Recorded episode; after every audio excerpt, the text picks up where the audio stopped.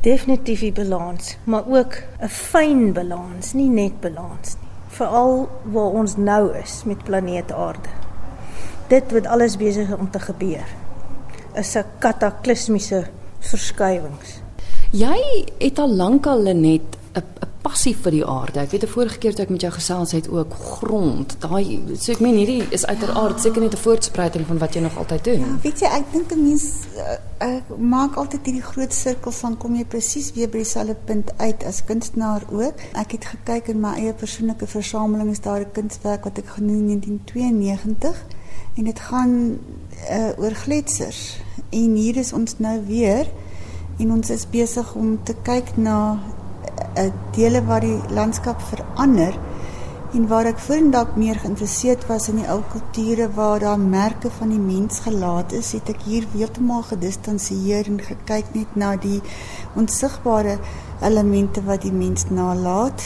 Ons het net nou te staan en kyk ons na twee van die werke hier. Ek meen die een is teen die muur, jou werk net en dan die beeld wat net voor dit staan en jy Sanna sê toe nog is ongelooflik hoe die twee bymekaar werk. Hoe was die samewerking? Het julle saam besluit oor twee werke wat bymekaar moet pas of het dit net gebeur? Nee, wat gebeur het is al vir 'n paar jaar sê ek vir hulle net ek sal vreeslik graag saam met haar wil uitstal en toe ehm um, het ek besluit maar al ehm um, dis die jaar wat ek 50 word.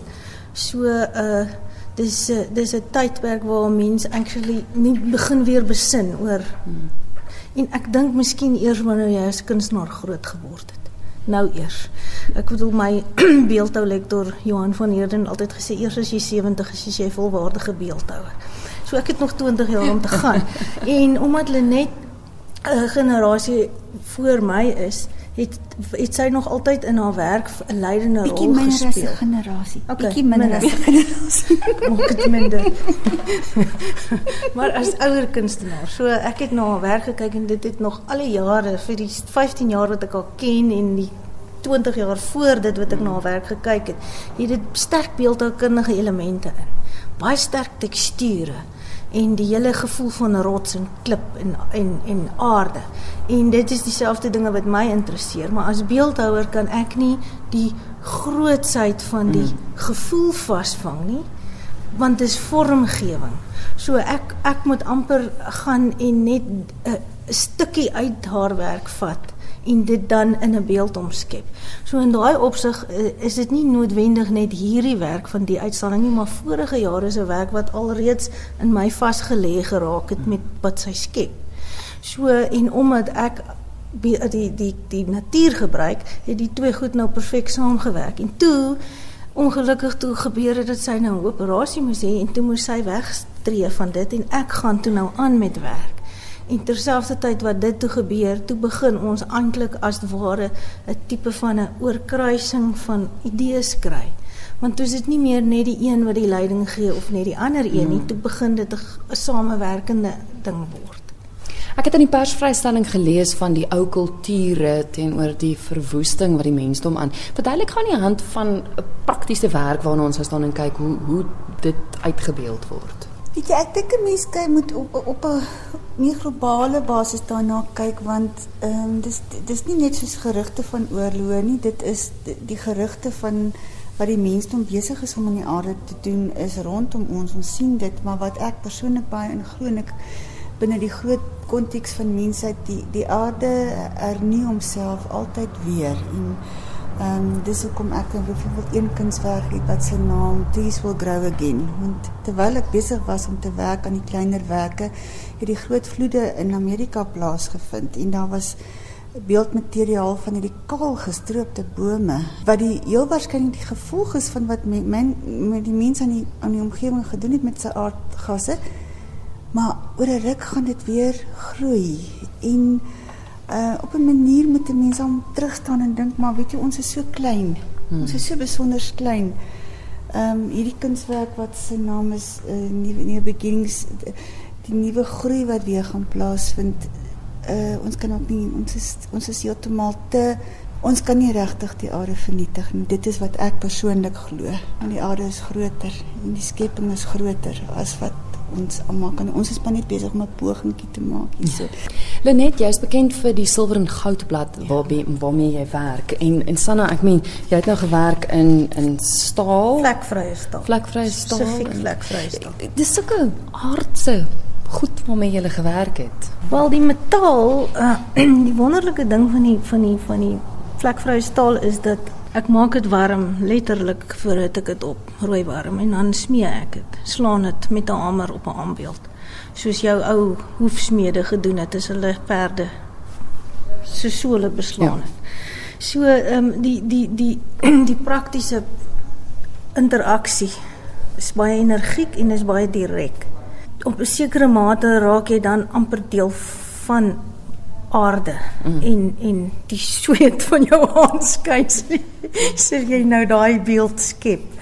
Wil jy laat eintlik ook 'n merk natuurlik die aarde, ja. dis net 'n positiewe ja. merk. Ja. ja. Maar as ons regtig daarna kyk dan maak nie saak wat ons doen nie, is niks positiefs okay. in die sin van dat ons net bly ons ons is materialisties ons verbruik. Ons is mm. verbruiker samelewing. So jy kan nie van dit af wegkom nie. Maar ergens in dit alles soos hulle net gesê het, moeder aarde gaan vir ons afskud. Mm. As sy nie meer langer kan nie gaan sy. Maar terwyl ons hier is, probeer ons mekaar en ons medemens attent maak op wat besig is om te gebeur.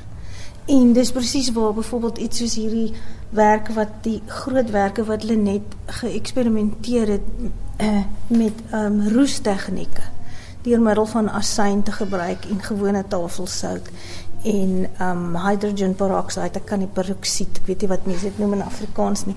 En dan dit te manipuleer deur uh, dit suurstof te gee of te weerhou van suurstof. En dan skep sy amper dieselfde tekstuur as wat sy doen met sy wanneer sy skilder met haar olieverf. Hmm.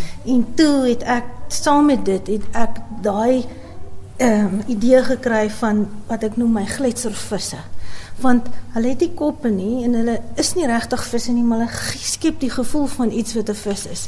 So dis amper daai ding van soos wat dit soos wat die aardverwarming plaasvind en alles smelt. So het jy amper nuwe lewe wat geskep word, iets nuuts wat weer uit dit uitgekom.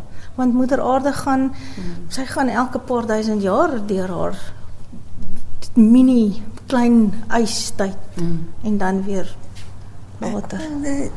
Die, die vraag het ook gegaan oor die feit dat ek wat baie jare in silwer en bladgoud en hierdie spesifieke uitstalling het dan meer silwer silwer gebruik. Ek dink is 'n baie kontemporêre aanbieding. Vir baie jare 'n groot deel mense mense skrik vir die blink eintlik, maar eintlik is die goud in die blad bladgoud in die goed.